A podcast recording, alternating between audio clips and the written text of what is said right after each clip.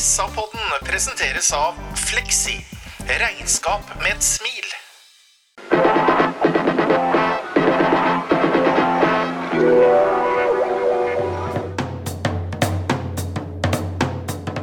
Sarpsborg Arbeiderblad gir deg en ny episode av SA-podden med Sven René Nygård, Øystein Weber, Petter Kalnes og Bjørn Inge Bingen Nilsen. God dag og hjertelig velkommen til en ny utgave av SA-podden. Sarpsborg Arbeiderblads eh, fotballpodkast. Som vanlig så er det en nydelig liten bukett her i studio. Og skulle jeg sammenligna de tre herrene her eh, med noen blomster, så måtte det vært noen sånne mm, hestehov sent i mai, eh, Stein. For fortsatt så er eh, hestehoven er jo pen. Han eh, er sånn blomst som skaper framtidshåp. Men så er jeg litt sliten langt ute i mai, og det er jo dere tre òg, ser jeg, Øystein. Hei. Hei, du, dette har vi ikke forberedt, men bare om, et ord om hestehoven. Det kan jeg litt om. Du vet, Ludvig i Flåklypa, han sto og så på en hestehov, som kom seg opp gjennom asfalten, helt mot alle odds. Og da ble han helt grepet av andakt. Så han uh, sa faktisk til seg sjøl Gud velsigne vår Herre. Veldig bra. Hei, Sven. Hallo! Morgenbingen. Morgen, morgen. Trodde du ikke si at jeg var solsikke nå? jeg. Nei, det er, du jeg sto her alle sammen. Og Ja, sjøl føler jeg meg som en uh, løvetann. Det er vel ugress, er det ikke det? Nok om det tullet der. Uh, Syns det var tull det som skjedde på Aspmyra søndag kveld, eh, Sven? Bodø-Glimt, Sarpsborg 08-2-1. Nei, det syns jeg ikke. Eh, det, det var jo en del tull der. Jeg, må si jeg ble imponert av eh, 08 utover i kampen. Når de eh, hadde lyst til å by opp til dans og være med og spille fotball. For det er jo fotball vi så på i dag. Eh, så når vi først turte, ville og prøvde, så var vi bortimot like gode som Bodø-Glimt. Det er bare så synd at man eh, drar opp der og eh, Jeg en følelse at det, dette har vi ikke tro på fra starten av. Og derfor så planer den kampen ut med 1-0-mål osv. Så, videre, så Nei, det, det er mye å ta tak i. Ja, Vi tar det temaet der med en gang. Det var jo eh, vår venn José Mourinho som starta med å parkere disse bussene. Altså, og Nå reiser alle til Aspmyra for å sette fem mann i forsvar og ikke angripe i hele tatt. La oss ta den tilnærminga til en fotballkamp, Stein. Hva, hva tenker du om det? Jeg tror på mange måter at det er måten å kunne få med seg noe fra, fra Aspmyra i dag. Men eh, det er klart at det, det er ikke noe tvil om at de første 25 minuttene i dag, så er det ett lag på banen. Der eh, jeg ser det er en sånn ball position på 80-20 etter, etter 25 minutter. Men eh, det krever i hvert fall da at de få gangene øh, vi slipper til Bodø-Glimt i noen korridorer og de kan få muligheter til å legge inn, så må vi på en måte hindre de innleggene. Og det var vi ikke gode nok heller. Så vi lever jo fryktelig farlig. Og når målet kommer etter eh, tolv minutter, så er det synes jeg, veldig varsla. For allerede etter tre-fire-fem minutter så slipper vi inn for mye innlegg. Og istedenfor å, å uh, diskutere hvem som kanskje skulle tatt Botheim der inne, og i det hele tatt, så syns ikke jeg Karamoko gjør en god nok pressejobb på det første målet. De innleggene der må hindres. Der må vi gå til med mye mer dødsforakt. Bingen eh, de gir banespillet til hjemmelaget eh, helt bevisst. Legger seg bakpå. Har nesten ikke ball første ja, Om det er 20 minutter eller en halvtime, kan vi diskutere. Men eh, er det ikke det egentlig å liksom gi opp litt på forhånd, da? Jo, i tillegg så ser du Anders Kristiansen drøyer hver gang han skal få ballen i spill. Så jeg er helt Selv enig med 1-0, deg. Selv på 1-0. Når vi har eh, mål imot, når vi skal ut og jage, så prøver vi liksom også å dra, dra tida. Og jeg syns eh, det var helt fornuftig at vi skulle dra til eh, Aspmyra og tenke defensivt i første omgang. Men Gaute Wetti sier i pausepraten noe som jeg tror er helt riktig, at de ubevisst ramla altfor langt bak, og da ble det tungt, som han sa. Men da kunne jeg godt tenkt meg det der tenningsnivået til Lars Bohinen ut på sidelinja. Få kontakt med laget ditt. Jag dem høyere i banen. Få dem til å flytte bena. For det var veldig statisk. Selv om vi lå, vi lå så kompakt, så vi, vi, vi flytta jo ikke bena våre i hele tatt. Eh, Vi hadde jo ikke sprinter. Hadde sikkert det, men det så i hvert fall ikke sånn ut. Så det ble jo veldig lavt, og eh, enda snålere ble det når vi på en måte drøya tida da når vi lå under 1-0. Sven, er ikke det en utfordring når man ligger så lavt, nettopp det å, å, å ha nok intensitet i forsvarsspillet sitt, rett og slett? Du føler kanskje at du har så, har så kontroll på kampen, da. Altså defensivt. At du ikke flytter deg fort nok, du bare ligger i ramma. Selvfølgelig gjør det det. altså Når vi ligger så kompakt som vi gjør der, så, så ser du i sidesynet en blå drakt som er en meter eller annen unna deg omtrent. Og da stoler du bestandig på at kameraten òg hjelper deg, eller rydder opp, eller et eller annet. Du blir liksom Du slipper å ta så mye ansvar sjøl, og da blir det at man flytter mindre bein. Og det er vel sikkert statistikk på det. Øystein Weber er jo stat, har jo statistikk på det, men uh, Altså, dem som parkerer bussen på Aspmyra hvor mange reiser igjen fra Aspmyra med tre poeng? Eller ett poeng? Også det, det, det, det maler uansett. Så jeg tenker at det, jeg syns det var helt vidunderlig orgasmisk, jeg, den der kampen borte i Drammen til å begynne med, selv om det gikk rett til helvete den gangen. At måten man angrep eh, den kampen på, hvor godset ikke var så en dritt Bodø-Glimt altså Han sier jo det før kampen her, eh, vår kjære venn eh, i, i treneren, han Knutsen. Vi kommer til å møte et eh, Sarpsborg 08-lag som ligger kompakt og kjempedypt i bane og parker i bussen. Så overrask dem, da! Det Ja, er, er- er ja, men Vi må jo prøve å ha man å tape når man drar opp der i utgangspunktet hvor ingen har tro på det. Og så Da tenker jeg at da kan du gå ut og sjokkere litt og gjøre ting som ikke motstander forventer. Og i hvert fall Bodø-Glimt, som er vant til dette her nå.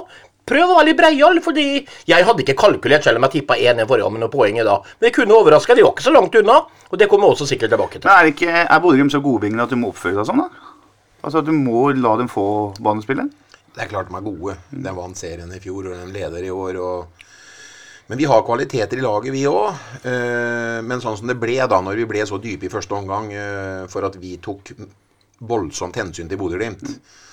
Og når vi erobra ballen, så fikk vi jo ikke spille mer enn to-tre trekk eh, før de tok over ballen igjen. Og det er kjempetungt. Du klarer ikke å hvile Du får ikke hvila noe da. Det gjør med ballen i bena. Og vi fikk aldri strekt opp. Og når vi erobra ballen, så hadde vi jo Kone som fremste mann i banen, og han lå jo faktisk på et høy... Jeg, jeg, jeg tipper at han lå så lavt som kanskje 35-40 meter fra, Fra fra, fra eget mål. Ja, riktig. Helt riktig. Jeg tror vi hadde blitt spist levende, Petter, med en, med en inngang hvor vi hadde forsøkt å stått uh, en del høyere uh, på 0-0. Men jeg tror Bingen er inne på noe sentralt. Det betyr ikke at vi ikke må ha uh, mye høyere pasningskvalitet. Det er jo som Bingen sier, vi fikk til to og tre trekk. Det går ikke bare på å ligge dypt, det går også på at vi må ha presisjon i det vi gjør når vi først får tak i ballen. Ellers så får vi bølge mot oss hele tiden, da. Hva tenker dere om vi har så vidt vært innom det, men hva tenker dere om det som skjer etter 0-1 der etter 12 minutter, eh, Sven? At man fortsatt ligger lavt, og som besagt her, eh, Anders Kristiansen eh, drøyer tida hver gang har ballen. Nei, Da må jo tankegangen nesten være sånn da, at eh, Bodø-Glimt eller 08 og Bohin og Kristiansen og alle tenker at der, hvis det bare står 0-1 langt ut i kampen, så blir de litt utålmodige for de vil vinne mer. Eh, og, men jeg tenker at eh, status der og da på 0-1, det er at vi har null poeng. Vi taper fotballkampen. Og da må man faktisk eh, fram og prøve å få til et eller annet. Så det, ja, jeg tror at eh, Kristiansen tenker litt sånn, at eh, de blir utålmodige. Publikum piper, ikke sant, osv. For det bruker tid. Men ja. ja. Øystein sier at eh, 08 har blitt spist levende hvis de gikk ut i høyere bane og prøvde å, å være med i kampen fra starten. Er du enig i det? Eller hva, hva, hva, hva sier du til det når Øystein sier det? Nei, jeg jeg er ikke enig med Øystein der. fordi at når vi først eh, tør å, å heve presset vårt og begynne å se lengderetning, begynne å ha løp foran ballfører Og, og det er jo som man eh, de snakker om at det er pasningskvalitet. Ja, men hvem kan slå en pasning til en medspiller som ikke går på et løp? Altså, Vi lå jo i ramma vår. Det var ingen som stakk framover og gjorde det mulig for ballfører å finne. Dermed blir det to-tre trekk. For da kommer det presset så høyt opp på oss. Og vi, når vi ikke har en intensjon om å prøve å angripe, så blir det vanskelig å beholde ballen i laget. Altså, I hvert fall når vi står rett utafor egen 16-meter. Så jeg, jeg er ikke sikker på at vi har blitt spist levende. men Det beviste jo kampen etter hvert, da når vi begynte å ta tak i ballen. Vi ble jo aldri spist levende etter det. Ja, for Glimt er jo ikke så giftig som, og så skarpe som de var i, i fjor, syns jeg. Altså, vi ser jo også både så avstand til de andre lagene var helt annet enn det var i fjor. Nei da, samtidig som de fortsatt er imponerende gode, syns jeg. Um, nei, um, og jeg sitter jo ikke på noen måte og forsvarer at vi i hvert fall skal begynne å drøye når vi ligger under i en fotballkamp, det skjønner vel alle. Men, men mitt håp var jo at vi, eh, her kunne vi på en måte eh, kanskje holdt 0-0 til pause, f.eks., og da kan det bli en helt annen dynamikk i denne kampen.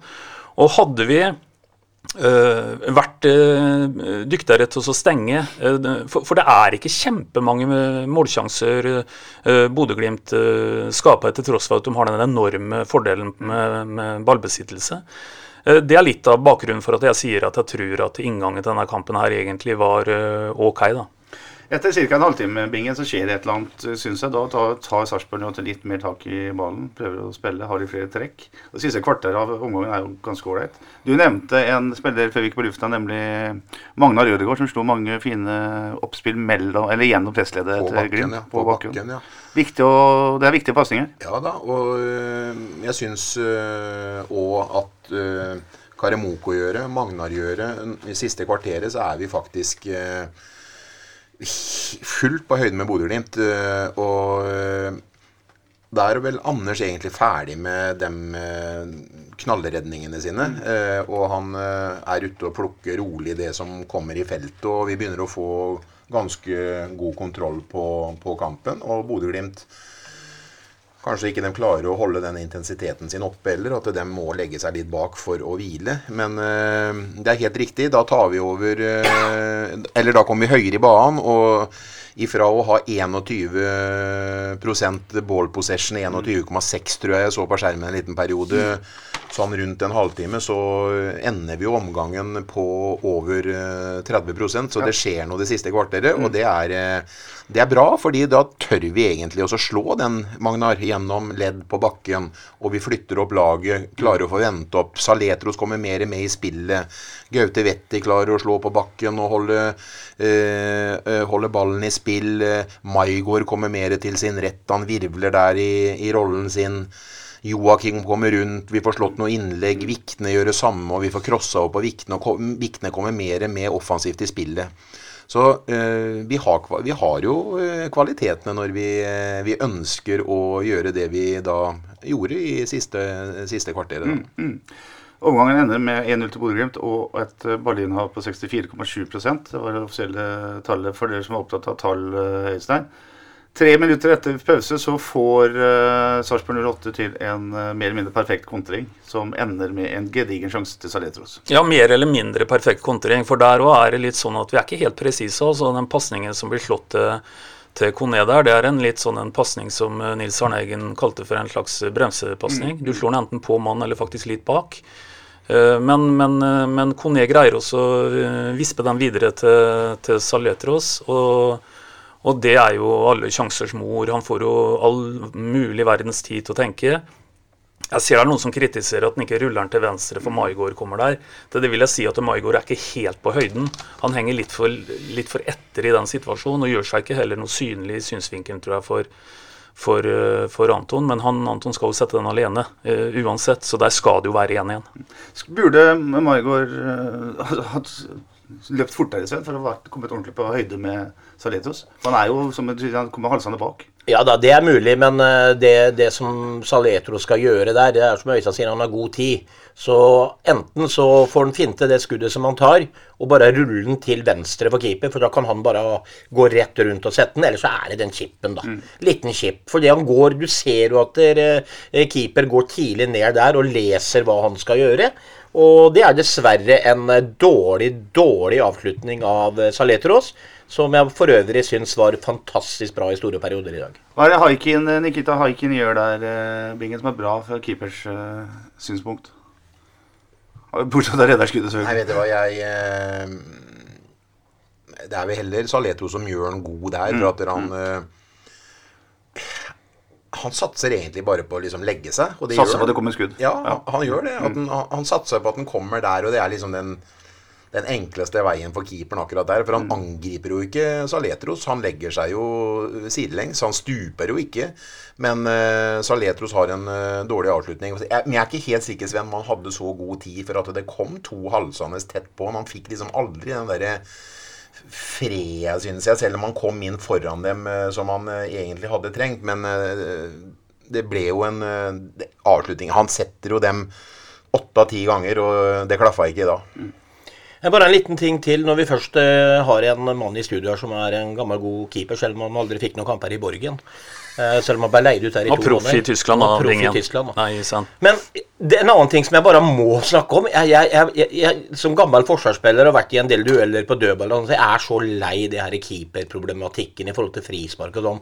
Jeg tenker på den dyreste han får der med ryggen til keeper, som skal gå i en duell. Så kommer han haiken ut og nesten slår av skuldra så Dyrestam går rundt. Og så får du frispark i tillegg. Det er, jo et overfall mot Dyrestam. For her kommer haiken ut av full oversikt om hvem som er i veien.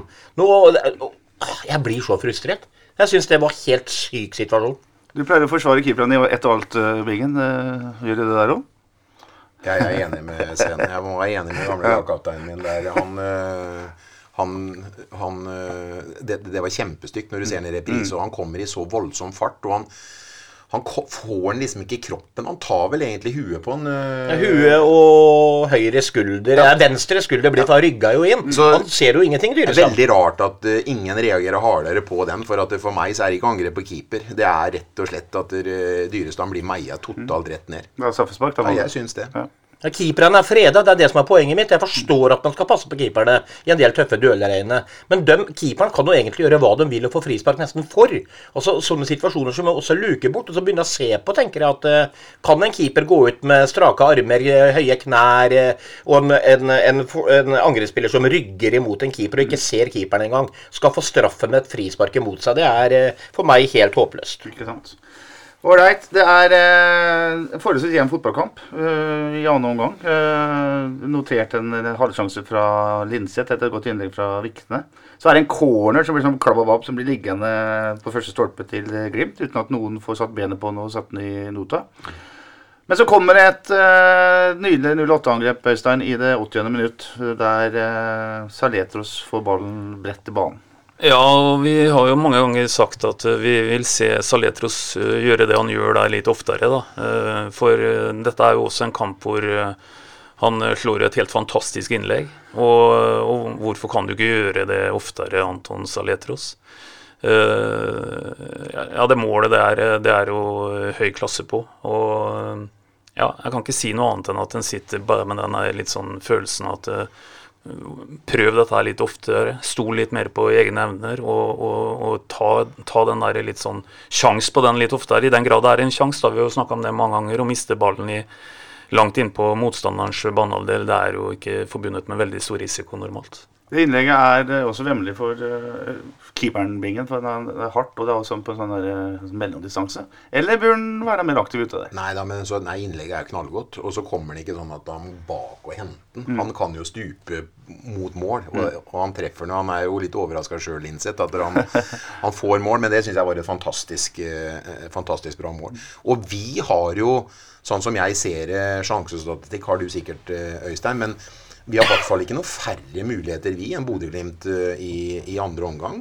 Og da er faktisk Bodø-Glimt på det, sitt mest sårbare. Og det er jo Det skal vi sikkert komme innom, men eh, da er da ikke jeg skjønner noe. Og så står jo kampen fortsatt 1-0, og alle kamper som står 1-0, de lever jo på en eller annen måte. Uansett så gjør de jo det i fotball. Uansett om det, et lag er aldri så overlegent, så er en, det ligger en usikkerhet selv om du leder en kamp 1-0, for da, da kan alt skje. Og nå hadde vi til og med fått av den 1-1-utligninga da. Det, Og så var det jo selvfølgelig, som jeg prata om i poden, hvem er det som kommer på det sugende løpet fra et midtbaneledd? Og så er ingen andre enn Linseth som kunne satt den med huet fra det leddet der og kommet inn med dødsforakt. Sier ikke at Linseth var veldig god i dag, men det er et Linseth-mål. Du tar aldri innsatsen fra han, Sven. Han Nei, er, nei, nei. Du kan ikke ta han på, på innsats. Han er en løpsmaskin. Og han er, har noen muligheter som han eh, kommer til to til, tror jeg, som man liksom ikke får noe treff på eller klem på. Men den headingen der sånn, fy fasen, det er jo en vanvittig sugendes løp. Og han kommer med Den er jo ikke ferdigskåra, som han kommentatoren sier. Det er jo en glimrende, et glimrende mål. Og så kommer det som Og nå er det jo du som har regien på ting her, eh, Petter. Jeg vet ikke hvilken rekkefølge vi skal snakke om ting, men det som faller naturlig kanskje også å si nå, da, det er jo at eh, Kall det belønningen til Linseth, da. For, for det, de sugende løpa og den uh, flotte skåringen og 1-1 og momentum, og kanskje en sånn en eh, psykisk boost når du setter det målet, det er jo da å bli tatt av banen, da. Det, det, det byttet kommer jo sånn rimelig umiddelbart uh, etterpå. Eh, Det er mulig at det er planlagt, men det går vel an å endre på planene, da. Ja, og er det planlagt, så syns jeg jo det er veldig rart. Og jeg personlig, da, for jeg syns jo Johan- Jonathan Linseth er jo den som har største motor, og han, øh, han er jo der, han skaper ting. Og da er Bodø-Glimt på sitt mest sårbare. Ja. Da har vi dem så på gyngende grunn. Vi har hatt noen nesten-situasjoner. Så får vi den forløsende skåringa på oss. 1-1. Ti minutter igjen. Så er- er det ikke blåst i gang engang før han skal av banen. Og vi skal legge og sette inn Nicolay Næss, så vi skal bare komprimere det enda mer enn de siste ti minuttene. Så kommer det ene mer gærent enn det andre. Og jeg kan ikke skryte av eh, taktikken til Bohin der, jeg, altså. Hva tenkte du om byttet, Sven? Ja, nå skal jeg prøve å begynne fra begynnelsen av. Jeg vet ikke hvem som hører på den poden her, men eh, Dyrestam, eh, hvis du er skada eh, og signalisert der sånn, så får det for så vidt det være greit. Men uansett så skal man ikke begynne å rokere og kødde med ting bak der. I hele annen omgang så hadde vi så god kontroll på det defensive. Dyrestam, hvis han har litt vondt, så skal han ikke be om å bli bytta. Han skal bite i seg smerten og stå ut de siste åtte minuttene. Sier ikke at det er negativt at Utvik kommer inn, men han er rusten selvfølgelig etter en del skader, eh, en del kamper ute. Hvis Utvik skal inn, så sett den som en femte midtstopper foran som en defensiv midtbanespiller. Ikke gjør for mye med den gjengen som allerede da har vunnet alt av dueller bak så begynner man å, å, å rokere og vise hele verden at nå skal vi sette noe genialt inn i sporet her for å ikke få noe mer mål imot. Og så ender det tragisk dessverre for Utvik, og det, det, sånn ble det jo bare. Men, men man skal ikke rokere med noe som funker bak der. Og hvis de guttene er slitne med åtte minutter igjen Altså, Jeg var på et foredrag med han Alf Hansen som var roer. Han fortalte det når han vant VM-medalje, så trodde de at de skulle dø rett ved mållinja. Da har du 40% til å gå på. Så det er ikke noe farlig. Du blir bare mer sliten, og det gjør mer vondt. Men tenk deg å komme hjem i dusjen eller på sofaen etterpå og vært med å dra i land det poenget. Men så, Nei, jeg forstår ikke noe av den byttene. Jeg forstår ikke at Saletro skal ut. Eh, Vi sitter med Fardal Oppsett som skal fram, og som er en spiss. Ta ut dessverre en Magnar Ødegaard nå. da. Spill med enda færre bak. Få inn en offensiv til. La Karamoko stå der oppe. Det er helt greit. Han har en trussel i rommet. Så her er det masse taktiske, rare ting for meg. Bra, Ja, da. ja, ja, Linseth er jeg helt enig. Han skal jo ikke ut, han heller. Da- Men byttene var for meg rare. Ja, vi, tar, vi kan godt ta For du, du tok jo alt på en gang her nå, Sven, og det er helt greit. I 81. minutt så går altså Linseth ut, uh, Ness kommer inn. 83. går Dyrestam ut. Utvik kommer inn og spiller da midtstopper. Sven har sagt allerede, men vi kan vi, vi dveler litt mer på det forsvarsbyttet der. Eh, hvor lurt eller dumt er det å rokere på et forsvar som fungerer ti minutter før slutt? Vet du det, Veldig ledende Ja, jeg skulle til å si Det kalles et ledende spørsmål, eh, Petter. Nei, jeg, vi, vi satt jo og snakka sist om det der at eh, at nå håper jeg at det ikke blir rullert veldig mye bak der. Og da, og da snakka jeg jo til og med sånn at, eh, at eh, og, og, og da var jo ikke Utvik med i, i betraktninga her. Jeg skjønner at en skadefri Utvik eh, på et eller annet tidspunkt har fortjent også, også sikkert eh, starte en kamp bak der. Men det er ikke det vi snakker om her nå. Nå snakker vi om å gjøre noen endringer helt på tampen av en kamp. Vi setter i tillegg inn en, en Utvik som det kan være grunn til å tro også at det er litt sånn i den kategorien litt rusten, som det heter. Han har vært skada, han har vært ute av spill en stund. Men, men, men, og, det blir sikkert satt, på kontoen for, for etterpåklokskap, og det er som alle vet den mest eksakte vitenskapen som fins. Men jeg syns det er rart å, å, å gjøre noen forandringer eh, bak der, sånn på tampen. Og så litt også om det som skjedde da Utvik får den situasjonen eh, mot seg. For noe vi har hoppa litt bukk over, Petter, det er en i hvert fall én straffesituasjon tidligere i kampen mm. som, som jeg tror at vi er veldig heldige på. Eh, Bjørkan helt på tampen av første omgang. Jeg har sett den fem ganger i reprise. Og jeg ser den som at han er akkurat på tuppen på den ballen og blir feia ned av Anders Kristiansen. Jeg tror vi er heldige som ikke får en straffe. Eh, det Utvik gjør med å gå inn med så voldsom kraft, for det er det han gjør i den, eh, den duellen, det er at eh, han gir i hvert fall dommeren muligheten til å blåse en eh, straffe på det. Han tar på en måte både mann og ball og alt mulig. Så det er noe med krafta i denne situasjonen òg som, som blir sånn veldig uvøren. da. Og, og så er det noe som heter, eh, selv om det ikke skal være sånn, så er det noe som heter å på en måte ha spart opp til et eh, straffespark. Alle dommere her ville jo sagt at hver situasjon er håndtert for seg, men vi vet litt om psykologien i det. Så, så, her lå det et litt billig straffespark i lufta òg, før denne situasjonen kommer. Og det å gå inn i den situasjonen da i 100 km og blåse til sånn som det, det ble veldig gærent, altså. Ja, og, og, og Øystein har helt rett der. Og, og, jeg ser for meg som gammel forsvarsspiller sjøl den psykologiske biten der. Altså, Vi alle vet hvilken type spiller Utvik er. Der er det rydde opp og feie på å vinne dueller. Her står sikkert han og varmer opp og får da beskjed av boinen nå skal du inn og holde nullen, eller ikke slippe noe mer mål. Og så får det en klapp i bakhuet omtrent som gjør at det svir. ikke sant? Kommer inn med dødsforakt og er Når Utvik blir ekstra gira, så er det jo Det sto jo i VG i går at han kom til å gå inn i en takling med den krafta der, mm. istedenfor å stå på beina, f.eks. Det er liksom det er å utvikle et nøtteskall. Så det her måtte jo nesten komme Det måtte nesten bli en sånn situasjon. Uh, så, nei, altså jeg står på det. Altså Dyrestam nok en gang Hvis han ikke var skada, og så veldig skada, så skal ikke han ut. Og han skal ikke be ham å gå ut hvis han har gjort det. For han skal ikke rokere ved noe som funker i den situasjonen. Uh, før i tida som det heter Vingen, så var det en slags uskreven regel at man ikke bytta forsvarsspillere inn på tampen av kamper hvis ikke man måtte, hadde nær sagt. Nå, nå, må vi jo forutsette at Dyrestam uh, ikke er skada, for ellers er jo alt det vi sier om noe bare tull. Eh, for må han ut, så må han ut. Men det, det er ingen som, ingenting som tyder på det. Er det ikke gambling? altså Sette inn forsvarsspillere som kommer, som kommer inn på, på banen der i en situasjon der, der det på en måte han, han, er, han, er, jo ikke i kampmodus, liksom. Han er jo ikke der.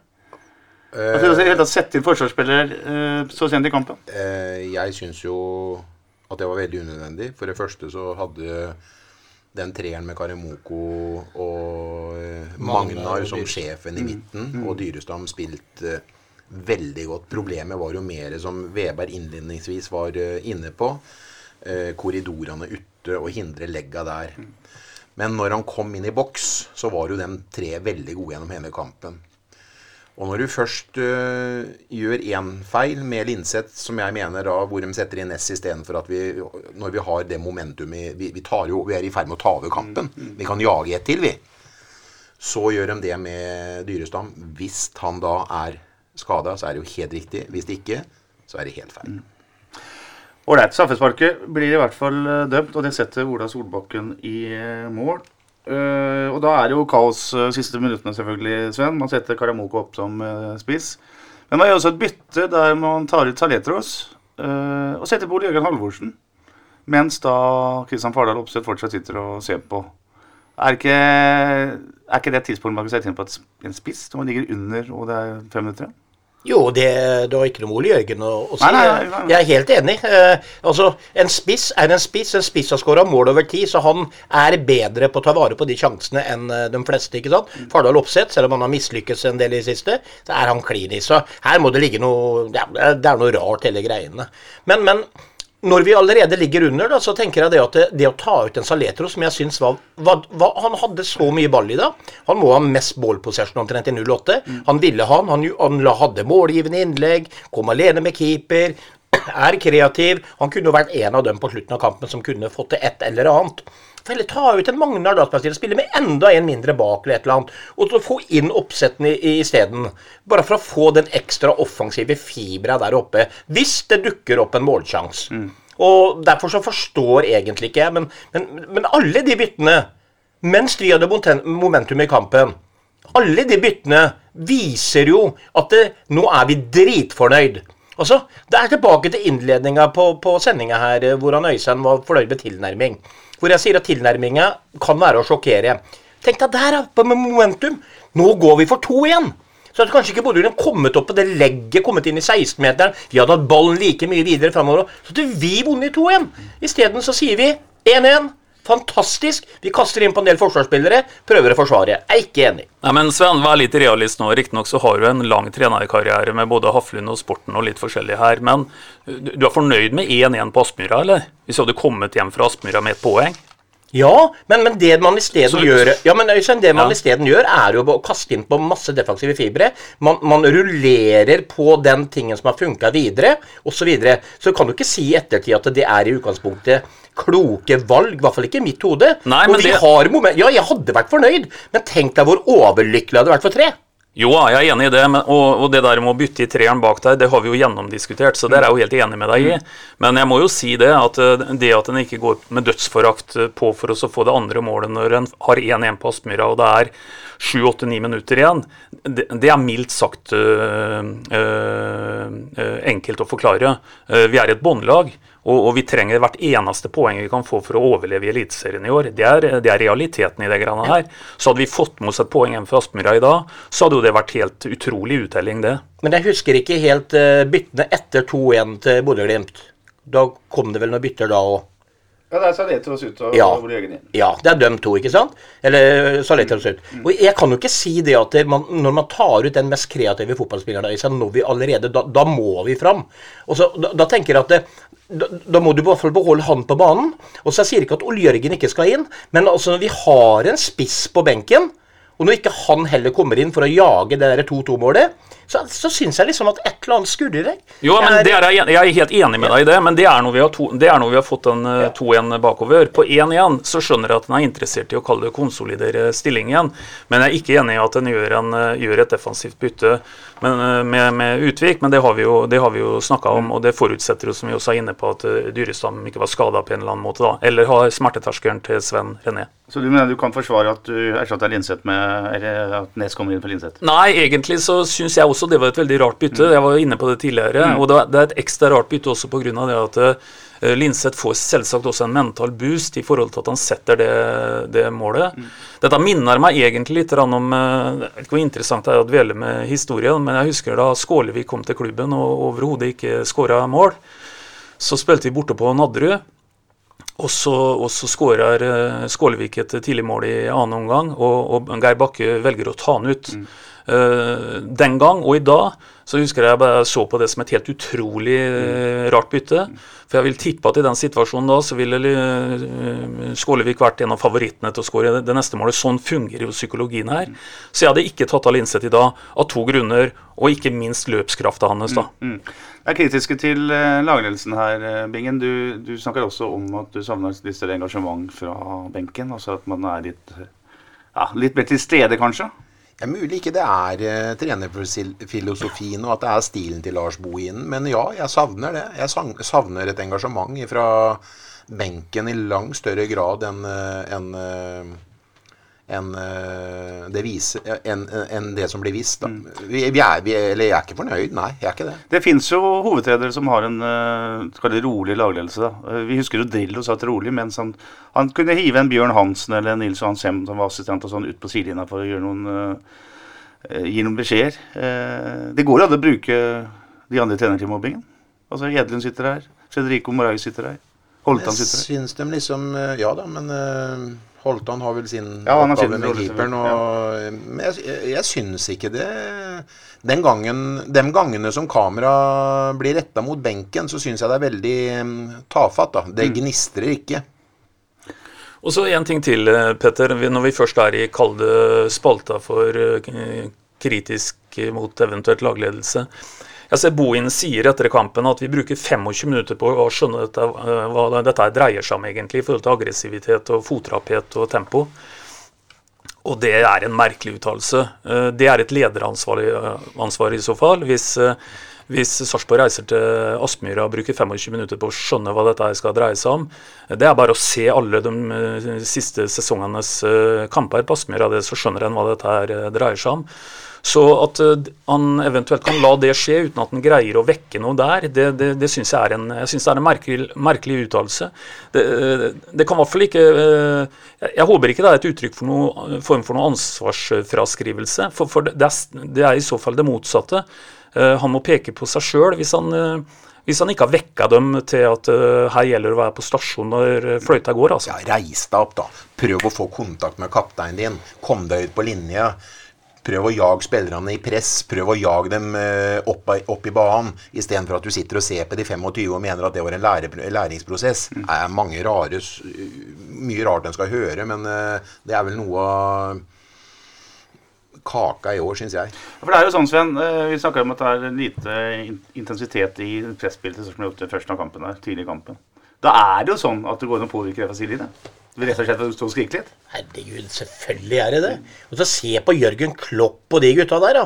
Skal ikke jeg dra fram Ole Gunnar på mitt lag på United, for han jo, sitter jo og klør seg i barten, han òg. Han har ikke noe bart. han. Men det er, det er det, det, Selvfølgelig. Så du må, du må, intensiteten til spillerne Det er jeg helt enig med Øystein. Den må du vekke før kampen. Du vet hva du går til når du kommer på Aspmyra. Du vet at den kommer ut i 100. Altså, Her sier jo Knutsen at han vet vi møter et lavtliggende lag. Så her må vi ha balltempo, og det setter de i gang med. Og vi vet jo hva som kommer imot oss der. Så, så det, det er jo ikke noe hemmelighet. Men når ikke det funker, og vi blir ja, Vi blir jo rævkjørt de 25 første minuttene. Altså vi, De kommer rundt på kanter, og legger legg på legg, og vi står imot ganske bra osv. Og, og, og det, det, det er lovpriselig, det, men det kunne jo gått mer gærent òg, selvfølgelig. Ballen kunne havna alle andre steder, og det kunne blitt mål. Men når man ser på dette her etter 5 minutter, etter 10 minutter, etter 15 minutter, så må du brøle litt så må du rope for kontakt, som man sier her, sånn, med guttene, og si at eh, kom dere høyere i banen, eller lag et stygt frispark, eller for, bryte opp spillet, liksom. Og det er jeg helt enig med Bingen. Du, du må du må være litt mer kjepphøy enn det var, var der. Mm. Kan ikke bli zooma inn i den stressletsen og sitte der og, og virke litt sånn oppgitt. Det nøtter ikke. Ålreit. Fotballkampen ender med 2-1-seier til Bodø Grupp, som nå tapper tabellen med 47 poeng på 22 kamper. Eh, Molde nummer to med 44. Kristiansund har 39 på tredjeplass. Og så er det Rosenborg som har fjerde på 38 poeng. Det som dessverre er mer interessant for oss, Øystein Weber, er jo båndsjiktet, da. Vi kan ta fra nummer 11, Sandefjord, 26 poeng. 12, Sarpsborg 8 med 23 poeng. Tromsø nummer 13 med 22 poeng. Brann 14-19. Stabæk nummer 15 med 18 poeng. Og Mjøndalen er i bånn med 15 eh, poeng. Det er altså fire poeng fra Sarpsborg 8 ned til Brann på kvalik. Ja, dette blir uh, akkurat like tøft som vi har sagt uh, hver gang. Det er ingen vits i å skifte fokus. Dette dreier seg om å overleve. Det kommer til å bli en Eh, knalltøff eh, høst her, og vi kan komme litt tilbake til etterpå hvor vi skal få henta de eh, poengene. Men, men at det blir tøft, det er ikke noe vits i å lure på. det er artig det med, med hvilke resultater man ønsker seg. Vi satt jo i august måned og så det var kjempefint at det ble 1-1 i en eller annen kamp, for det, det passa oss veldig bra, liksom. Eh, nå kan man jo si at f.eks. Brann Stabæk 1-1 var et godt resultat. Men jeg vet du har en litt uh, annen tilnærming til den det Den enkle tilnærminga, mener jeg. Ja, det er rett og slett det at uh, vi vet ikke det. Vi vet ikke det før 12.12. Det kan ha vært et helt perfekt resultat. Men det kan også være et resultat som ikke er perfekt. Jeg kan ta et eksempel. Jeg vet at det var folk som begynte å snakke i august måned, da Mjøndalen spilte uavgjort mot Stabæk, om at det var et helt optimalt resultat. Eh, det kan vise seg med fasit i hånd at det vi hadde trengt her, hadde f.eks. vært en Mjøndalen-seier, og ikke det ene poenget til Stabæk. For det kan være et Stabæk-poeng som vipper oss av pinnen. Mm. Så, så, egentlig så er det sånn at vi kan godt håpe på det ene og det andre, men fasiten kjenner vi ikke før sluttstrek settes med to streker under. Mjøndalen rykket 7-0 i Haugesund, da, Sven. Var det nådestøtet til Vegard Hansen og kompani? Ja, det var nådestøtet. De har, eh, de har, prestert dårlig over tid. De eh, får jo med seg et heldig poeng mot Brann, ikke sant, hvor de spiller med en mann mindre. Hvor Brann burde leda 5-0 og kanskje vunnet 7-0 etter sjanser. Eh, og når du får 7-0 i ræva da, så, så, får nok de en påminnelse om at vi kommer til å rykke ned. Så de er ferdige. Så nå står det mellom de andre lagene nede der. og jeg personlig var litt fornøyd med det ene resultatet, men Øystein har helt rett. Det kan jo være det poenget. Men uh, sannheten er at når vi møter Bodø-Glimt borte, så tar Mjøndalen ikke innpå oss. Og de to andre tar bare ett poeng i internoppgjør. Mm. Så sånn sett så føles det litt greit. Ja, og Tromsø tapte i tillegg, så ja. ingen uh... Kan si at det var en runde der gikk med oss, eh, må vi kunne si i forhold til akkurat det. da. Mm. Men, men, det som er liksom Hadde vi før kampen i dag sagt at vi kommer unna med 2-1 på Aspmyra, så mot Bodø-Glimt, som er eh, seriens eh, leder, så hadde vi jo egentlig sagt at det skal vi faderne må være fornøyd med, med egentlig. Mm. Men sånn som kampen utvikler seg, så får du en sånn der bitter smak i munnen at vi ikke fikk det ene Å, fanden, kunne vi ikke jaga for for, for tre år, når vi først hadde muligheten og hadde, hadde det momentet vi, vi, begynte å produsere, vi begynte å bli skumle. Vi, de hadde mer enn nok å hanskes med dem. Og da syns jeg vi hadde gjort det på hadde, hadde dem da fått at vi hadde hedda i tverleggeren som vi gjorde mot Haugesund uh, i 2014, eller når det var, og kontringen resulterte i at Haugesund uh, skåra mm. og satte 2-1 mm. Da hadde vi liksom turt det, for da hadde vi prøvd helhjerta å få med oss noe igjen fra Aspmyra. Mm. Men når det byttet kom med en gang med Linseth etter at uh, vi satte den, den skåringen til 1-1 og vi hadde et poeng i lomma, ah, da skjønte vi jo at det kom til å bli jæklig baktungt med en eneste gang. Ja, Ja, er, jeg, jeg, satt akkurat og tenkte på det nå, for man sitter jo med sånn bitter følelse, som Bingen sier her. fordi selv om vi taper 2-1, så er jo ikke det noe sjokkerende før kampen begynner, hvis du hadde fått det resultatet servert. Og så er det jo, hvis vi tar vekk de første 25 minuttene og tilnærminga der, så må vi jo innrømme at uh, dette har kanskje vært en av de vanskeligste hjemmekampene for Bodø-Glimt nesten i år. da. Så vi, vi, gjør jo isolert sett en ganske god prestasjon. Men det hjelper liksom så svært lite. For når du vet at du kan få med deg noe, og kanskje burde ha gjort det, så hjelper ikke det i ettertid. Men vi skal ikke sage av prestasjonen til 08, for den var, i perioder veldig bra. Men vi får ikke noe med oss. Og taktiske disponeringer under kampens gang er avgjørende for at vi ikke får noe med oss. Ja da, og så, for å kverulere litt på at vi ikke får med oss noe, da, så får vi med oss at vi ikke ødelegger en målforskjell fullstendig da, ved å spille en kamp borte på Aspmyra. De vil slå andre lag med antagelig større margin enn de slo oss. Og Hvis du ser på den samme tabellen som du ser på der, Petter, så ser du at det at vi nå har tolv minusmål, det er eh, relativt greit mm. i forhold til nedrykkskameratene som vi slåss mot. Og, og, dette her kan bli så tett til slutt at uh, vi skal ikke se bort ifra at vi kan kopiere 2019-sesongen hvor målforskjellen avgjorde hvorvidt du havna som 13, 14 eller 15. Poddens overtid. Overtid i dag det skal handle om uh, borteformen til Sarpsborg 08, Øystein Weber. Eller det er kanskje lettere å si mangel på, på borteform, for den, den kolonna i tabellen det er bekmørk lesing. Ja, det er jo egentlig det. Det kan ikke kalle det noe annet enn det. For sannheten er at etter at vi slo Rosenborg borte den 20. juni, så har vi spilt seks kamper, og det har resultert i null poeng og 4-18 i målforskjell. Og Grunnen til at det er viktig å dvele litt ved det, det er at det er vi nødt til å på en måte få gjort noe med. For hvis vi forutsetter at den borteformen skal fortsette, da skal vi jammen pelle en del poeng på hjemmebane. Nå har vi fire hjemmekamper igjen. Vi skal møte Stabæk hjemme, vi skal møte Tromsø hjemme, vi skal møte Vålerenga hjemme og vi skal møte Odd hjemme. Ikke i den rekkefølgen jeg sa, men det er de fire lagene vi skal møte.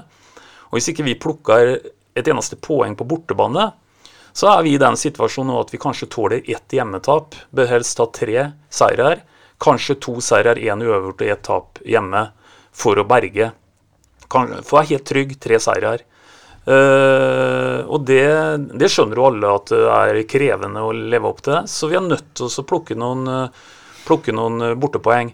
Jeg tror at deler av den annenomgangen i dag den bør være egnet til å bygge, bygge, et håp om at det er mulig å eh, lykkes med det som er faktisk prosjektet nå.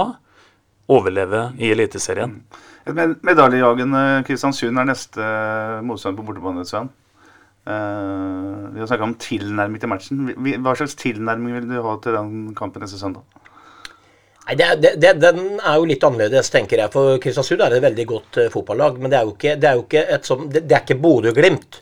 Uh, vi må fortsatt være komprimerte, men vi kan ikke fortelle Kristiansund at dere skal ha ballen til enhver tid. For Kristiansund er også utålmodige. De skal fram og ha tre poeng. Så sånn som Bodø måtte gjøre da for å komme tilbake på tabelltopp, så må de gjøre det for å vinne medalje. Så det å kunne tørre å være litt kjepphøy, selv om vi har ekstremt dårlig statistikk der oppe også, så, så må vi være mer breiale. For det er jo en grunn, Øystein, til at borteformen er så dårlig. Det er tilnærming til fotballkamper.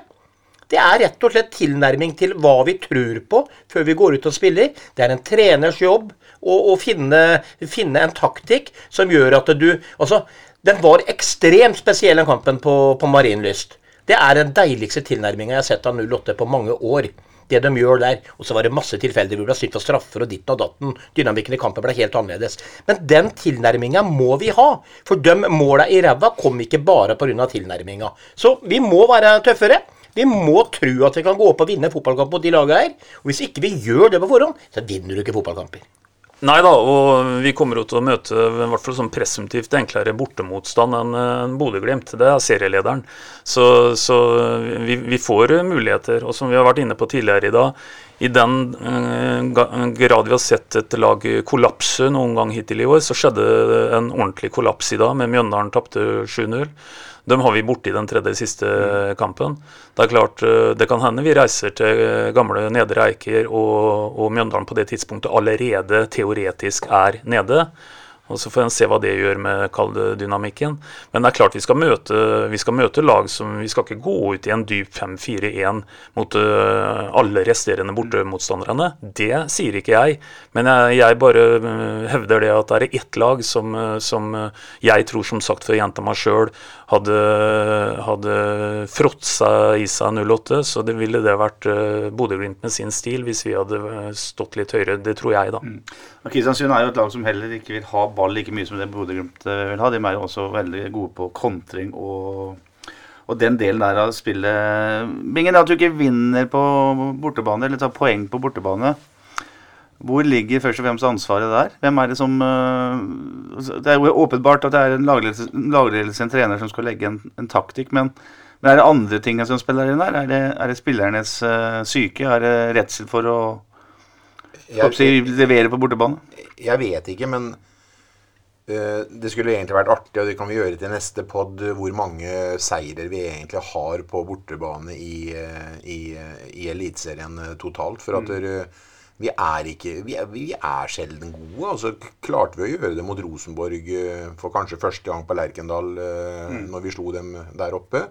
Men vi, vi har jo for få poeng med oss hjem i i kofferten når vi eh, kommer hjem fra bortekamper. Og hvor det ligger henne, Petter, det er nok et delt ansvar i forhold til eh, eh, trenere og spillere hva vi egentlig har troa på før vi setter oss på fly til eh, Bodø i går. Mm. Eh, hvordan skal vi komme ut med tre poeng? Det tror jeg liksom ikke er det tror jeg ikke er i tankene engang. At vi skal komme ut med tre. Nei da. Og så er jo for så vidt det med hjemme-borte-problematikk ikke noe unikt for verken Sarp eller fotball for øvrig. Dette har eksistert til alle tider. Det vi er redde for her, det er jo at det er i overkant lite, da.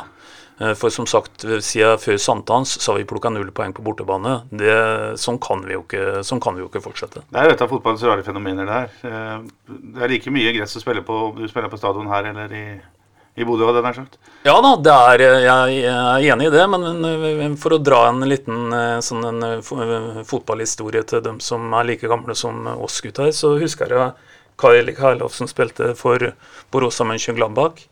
De slo eh, Real Madrid 5-1 hjemme i Europacupen. De ville ikke høre snakk om at de var, var videre. For de visste at det skulle spilles en kamp i Spania. Og drar til Madrid, drar til Madrid og taper 4-0 og ryker på bortemålsregelen. Og Da er vi tilbake til tilskuere og hjemmebanefordel, selvfølgelig. For den mm. historien fortalte jo Erik meg sjøl, for jeg spilte jo sammen med han. Og han fortalte meg at dere Butragueno, som han hadde ansvaret for Altså, For det første så så det ikke ut som han var nær gressmatta. Altså han fløy på puter. Og så var det 99 000 på tribunen, på den gamle. Og når vi på tre meter ropa til hverandre, Petter, så hørte vi ikke hva vi sa engang. Og det var hele pausa òg, visstnok, på satt i garderobeanlegget. Og da, da, kommer den hjemmebanefordelen inn. Men den er ikke så sterk på Aspmyra. Jeg fikk en deilig historie fra gamle dager. Eh, Binge, det, det, hender at lag som ikke vinner på bortebane, gjør noen grep med tanke på reiser. reise. de kan reise tidligere, de kan reise senere. Eh, noen ganger så reiser man på kampdagen for å slippe eh, den lange ventinga, slippe å ha en kveld i en fremmed by osv. Er det noen sånne grep som 08 må tenke på her? Eller er det bare Nei, vet du hva, det skal ikke jeg mene noe om. Det, det, det, det, er mange kloke hoder som uh, tenker det beste for laget hver gang de, de, drar, så det kan være fordeler og bakdeler, det å dra opp om morgenen og skal ha dagrom og sove i tre timer på et rom oppe i, i Bodø i dag og spiser lunsj, øh, drar til stadion, fort opp, fort hjem i kveld. Det er ikke sikkert det klaffer heller. Nei. ville i hvert fall gjort det sånn Hvis jeg hadde vært lagleder for den poden her, så hadde vi aldri reist bortekamp kvelden i forveien. Så det hadde jeg ikke turt.